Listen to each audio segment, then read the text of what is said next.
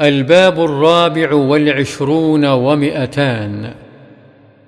باب في مسائل من الصوم.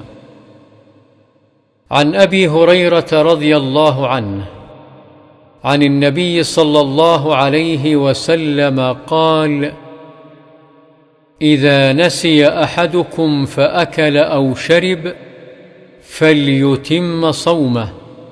فإنما أطعمه الله وسقاه. متفق عليه. وعن لقيط بن صبرة رضي الله عنه قال قلت يا رسول الله أخبرني عن الوضوء. قال أسبغ الوضوء وخلل بين الأصابع وبالغ في الاستنشاق. إلا أن تكون صائما. رواه أبو داود والترمذي وقال حديث حسن صحيح.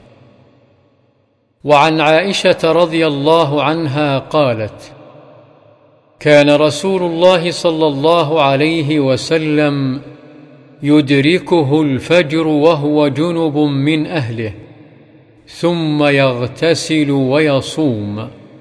متفق عليه. وعن عائشة وأم سلمة رضي الله عنهما قالتا كان رسول الله صلى الله عليه وسلم يصبح جنبا من غير حلم ثم يصوم. متفق عليه.